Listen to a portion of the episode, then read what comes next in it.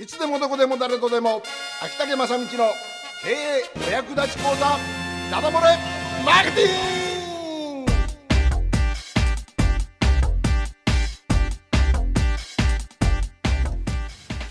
さあ時刻の方は6時を回りましていつものようにダダ漏れマーケティングでございますがはい。え今日のテーマはですね、はい。えーこの13回シリーズで、えはい。えー小さな会社の地域密着型ブランドの作り方ということでやっておりますが、今日はですね前回は USP という、はい。えーユニークセリングプロポジション独自の売りを作りましょうという話だったんですが、えー今日のテーマは、えーネーミング。おおはいはい。それ重要ですね。重要。店名とか商品名とかね、実はこのネーミングをしっかりと、えー効果あるものを作ればこの USP になりうるんですね。うん独自の売り。うんうんわあ私もあんな名前つけたかったみたいな他の会社からあ羨ましがられるような、はいうん。えーあ先に取られたとかね、えーそんなんもありますし、うん。えーこのネーミングをつけることによって、えー USP を獲得するということにもなる非常に重要な問題ことなんですがね。それについてちょっとお話をしたいんですけども、えーネーミングというのはですね、まあ、それこそいろんなネーミングがありまして例えば秋竹商店とかね、うんうん。まあそうですな。うん。えー小倉堂とかね、うん。そういうふうにこうもうその土地の名前とか、うん。えー自分の名前をつけたり、まあ、そういうので大きくなったところはそのトヨタとかね。本来はトヨタですよね、トヨタが、えー英語表記があのどうも、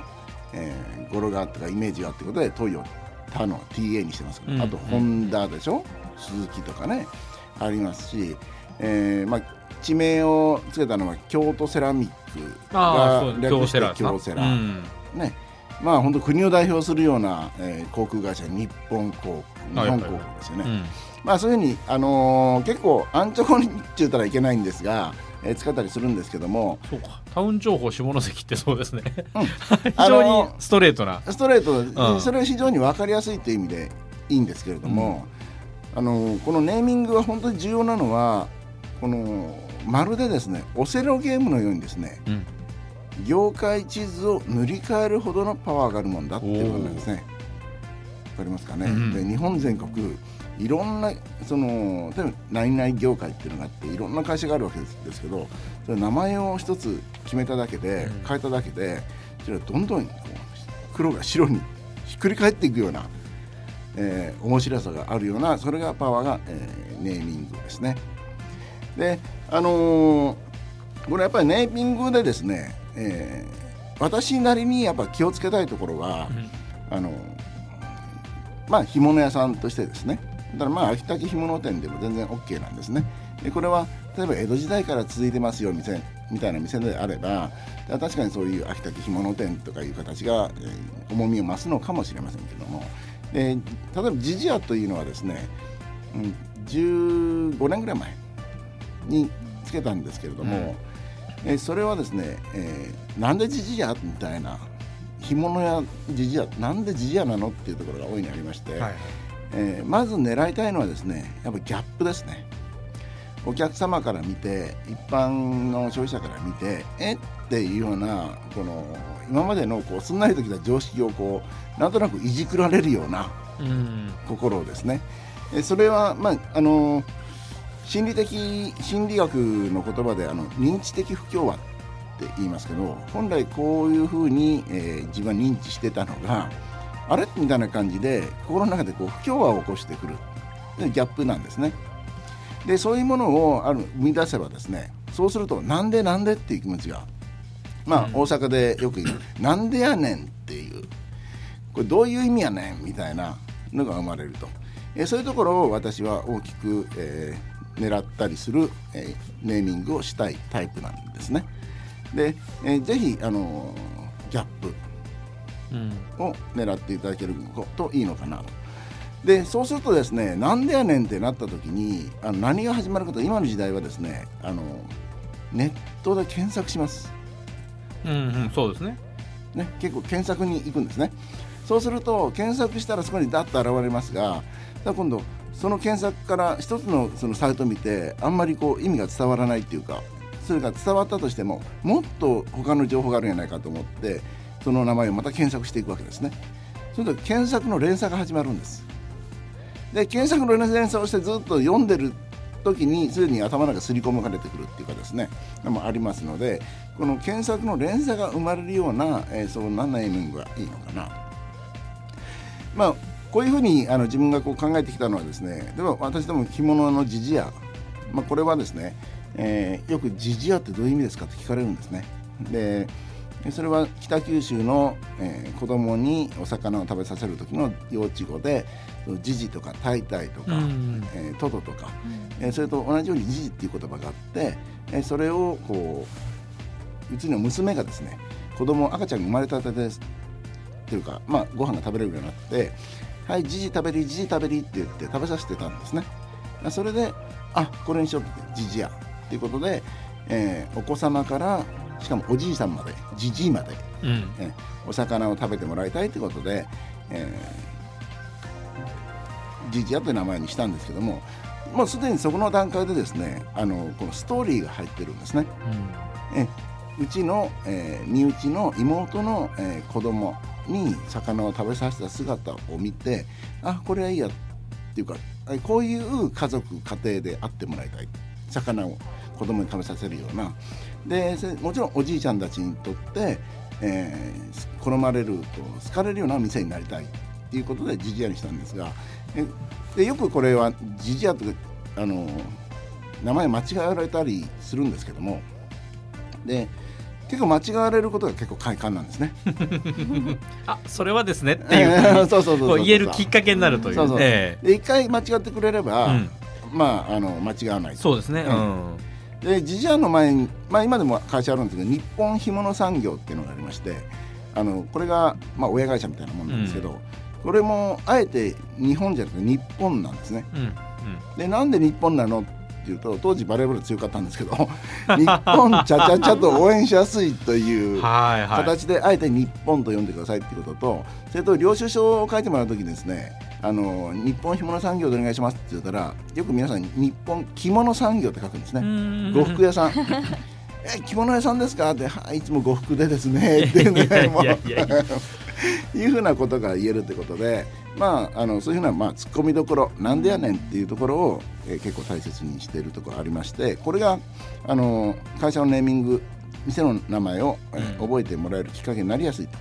あるいはですね商品としては霜降り味っていうのがあるんですがノルウェー産の味なんですねでこれは、えー、霜降り味っていう名前は実はパクリでして大分の方のですね、え業者が、えー、文語霜降り味っていうのを使ってまして、で同じように、えー、霜降り味で今それがまたパクられてですね他の業者も霜降り味という表現をしておりますが、まあ、商標登録はされてないんですけども、あのー、単純に油のりがいいっていうことで、えー、霜降りにしてるんですがよくマスコミの皆さんもですねなんで霜降り味って言うんですか?」って言ったら「あ肉屋のパクリです」みたいなことを言うんですけど。あ肉の霜降りと同じようなもんです、うん、みたいな話で。非常にピンとこう引っ張られますね、うん、その言葉にはね。そうですね、えー、で同じノルウェー産もですね、例えばこっちの方では霜降り味ってよく使いますがあと金沢とかですねそっちの方に行きますとトロ味というふうに表現されたりするんですね。でこれもやっぱりネーミングの一つであのトロ味トロイワシ、えー、トロなんとかっていうのは結構、えー、ブームのようにつけられたことがありましたよね。でまあうちの商売でもそういうようなところで、えー、非常にお客さんから受けがいいということで、えー、これはもう本当にネーミングにこだわらないことは、えー、本当お金をドブに捨てるようなもんようなもんというかざるっていうか、ね、そういう感覚までなるわけです。うんで、まあ、ぜひですねネーミングはですねあのこだわってもらいたいと思うしできれば遊び感覚でもいいのでちょっとポップをですねメニューを遊ぶとかポップを遊ぶぐらいでもいいので、あのー、手がけてみてはいかがかと思うんです。でよく、うん、飲食店に行くと最近多いのがふわふわ卵のとか、とろとろ卵のとか、熱々なんとかとか、はい、ジュージューなんとか。えそういうのがよくあると思うんですけどこれ書くだけで本当に注文が変わってくるんですよね。え単にオムライスというよりもふわふわ卵のオムライスって言われたらふわふわが食べたいっていう 絶対食べたいでしょ、はい、でそういうので、え商品名とかにですねこのふわふわ卵のとか、えーもちろん店名でもいいんですけど、えーにそういうこれなんて言うんですかね？け形容詞？うんそうそう。擬態語？うんまあ擬態語系うん。そうですね、ええ。うん、なんかその雰囲気の分かるような言葉をつけてやるだけで大きく変わってきますよね。だからそういうふうな、あのー今すごく飲食店のメニューとかはそのようなところにこだわってます。まあ、それと同じようにですね、あの店名にしろ商品名にしろあのやっぱコツっていうのがあってで安直なコツを言いますとねまずあの日本航空じゃないけど田舎の地域名、うん。例えばモルあマルケン門司港ラーメンとかね。あそうですね。はいはいはい。本当はマルケンラーメンでいいんですけどあえて門司港ラーメン。でもこれはですね観光客が言うので門司港にしましたけれども実は栄町交差点ラーメンとかでいいんですよ。あの狭ければ狭いほどあるいは2丁目ラーメンとかえ狭ければ狭いほどえ？でそれどこの2丁目？みたいな。であのご当、えー地域名をこうつけたですね、えー商品名というのは非常にそのその名前からしてもその土地の専門のとか土地特有のとか昔から続くみたいなイメージがありますんでこれ地域名をポンと関する。で商品名。でそれからあとですねよくあの聞き慣れた言葉を使う、うん。でこれはですねえー119番。110番鍵の110番。ああそうか。119番。鍵の119番。とかその緊急な時に間に合いますとかもしやの時にはっていうこう110番とか119番あるじゃないですか、うんうんうん。だからそういう時にそういうのをくっつけることによってあのもしやの時にはえ要するに今すぐ客の皆さんですね。そのうち客じゃなくて今すぐ客の皆さんを取り込むために、うん。えーなんとかの110番あるいは救急箱とかね。うんありますね、うん。水回りとかね、ええ。ーそのあたりはありますね。でその辺を、えー名前であったり本名を例えば秋竹なんとかせんあの秋竹工事店とかいうのが本名だったとしてもそこに、えーサブネームとしてなんとか119番の秋竹工事店みたいな形でつけたりしてるんですね。それから、まあ、さっきのジジアみたいにこうストーリーをもとにしてですね、えー昔からあるこう逸話とか、えー物語とか伝説とか、えーそういうのを、えーつ作ってつけてくるような形とか、まあ、この辺は本当にあのあんまりですねこう造語としてあのひねくり回して作るような言葉じゃなくて、えー簡単に作れるところを今例で言ってますけれども、うんうん。あと公共的な感じを持たせる。例えばですね、えー文字にもありますがえーよくできたネーミングなんですけど水道工事屋さんがうん。文字水道工事センターっていうふうにはあはあはあはなんか公共機関みたいでしょ、うん、あ なるほど。例えば免許更新センターみたいな。うん。でも行政行政組織さんがどっかの地域でやっててでも免許更新免許の試験場の横にいたら多分私は免許更新センターとかあるいは何々町免許更新センターとか私つけると思います。もうそれだけであのなんとか行政書士とかいうよりもよっぽど分かりやすいですよね。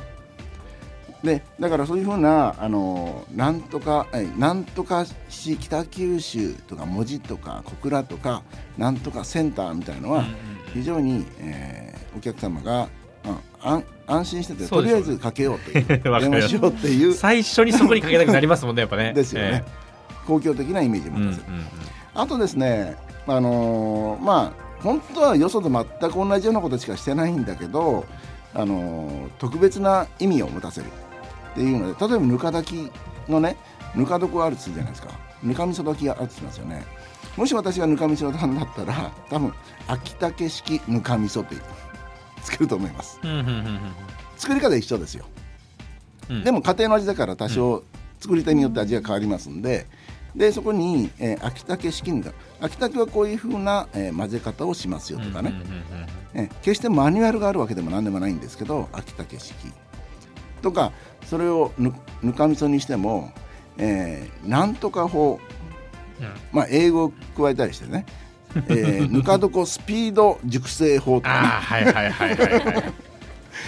えそういうふうななんとか法っていうような特別なものなんだとして捉えてほしいっていう、えそういうネーミングですね。うんうんえこれはもうよくあることをひょあの差別あの USP って持ってくるときに使われる、えー手法本当手法ですね。であともうちょっとですね、えー公共的なイメージを持ってもらうために、えー例えば一番最た最近私たち身内仲間では入らないのは日本唐揚げ協会。うんうんそうですね。要するに協会ビジネスって言われるもんですけど、この協会っていうのがやっぱパワーあるんですね。う。ん。でしかも日本何々協会。うん。というネーミングはあのー業界をまとめたようなイメージがありますので、あのー本当は単独の会社であっても組織でもですね、まとめたようなイメージがありますから協会。それからあと同じような形でもうこれは先取りで使いたいのが保存会です。ああはい。もう鶏飯保存会とか、はいはいそれからぬか炊き保存会とか、うん。もう行った瞬間にもうそこが一番伝統ありそうで、うん。絶滅危機のものを救ってますみたいな、うん。世界で社会的なイメージもそうですね。大きいし、えでここをこれをですね保存会と伝承会と研究会とえらい違いです。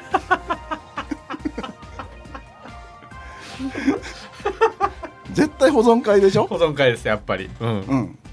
うん、保存会なんですよ。う。んなるほど。えこれまあ今日あのいろいろ挙げた方法はですねあのーなんて言いますか本当にアンチョコ版っていうかでもつければ勝ちみたいのがあってですね、僕はぜひこれはお勧めしたくて、えーどうしようもよそとその差別化しづらいあの USP が、えー作りづらいという時にはもうネーミングをやってみる。うん。でこういうのはですねあのもしお店を持ってたりあのなんですかね小売業をやってるところとかそれから飲食店はメニューをちょっと変えるとかポップを変えるっていうことで試すこともできますんででその反応を見ながらですねあのや遊んでみてもらえればいいと思うんですよ。もう遊び方はビレッジヴァンガードに行って習ってくると。うん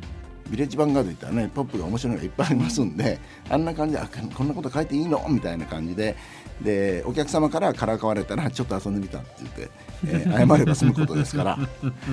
であのーこういうネーミングもですね私は分かりづらくてギャップを生むとかいうのがあるあるんですけれども基本はですねやっぱりなんだかんだ言っても分かりやすさです。うんえー、先後でこうお伝え最初のジジアはそれどういう意味なのっていうのはこれ分かりづらいねなんでって言われる世界ですけどもそこにしっかりストーリーを持っていけば大丈夫なんですが後でその後半お伝えしたこの熱々とろとろふわふわとかですね、うん。それ地域名とかそれからあの聞き慣れた言葉110番とか、えーこういうのはですねまさしく分かりやすさうん。を表現してます。もう皆さんの持ってる。で分かりやすいんだけれどもじゃあ鍵の110番って何っていうギャップもあるという。うんうん何してくれるの？鍵の110番って修理って感じになりますけど、えーそういうふうなですね分かりやすい中にギャップが生まれたと、えーうん。こういうのがあかなり優れたネーミングと思いましてあとあのあれですよね。薬品会社がよく使いますね。あの消臭源じゃないけどほらあのあの効果をそのまま？うん。うんちょっともじったような、うんうん。ダジャレみたいなのとか、はいはいはいはい。もうああいうのもなんか誰が考えたかみたみたいな。ああいうあのこのアミノ酸となんとかをくっつけてアミノなんとかとかうんね、うん。よくあるパターンですけど、まあ、ああいうのでもあの今世の中結構それでみんな試してやってる世界ですから、うん、当たれば儲けみたいな感じでやってますんでね。うん。あのそんなにこだわらなくてやってもらってでほんこれいける時にはそれを使いまくるという形で試すことが大切だと思っております。そうすると、えー今は本当インターネットの時代で検索がどんどんね連鎖していきますから、あの検索連鎖して頭に心に残ればですね、えーネーミングが、えー先に走ってくれてまるでオセロゲームのように業界地図を塗り替えていくという、そういうお話でございました。はい。はい。はい。えー今日の秋田木正道の、えー、ダダ漏れマーケティングでした。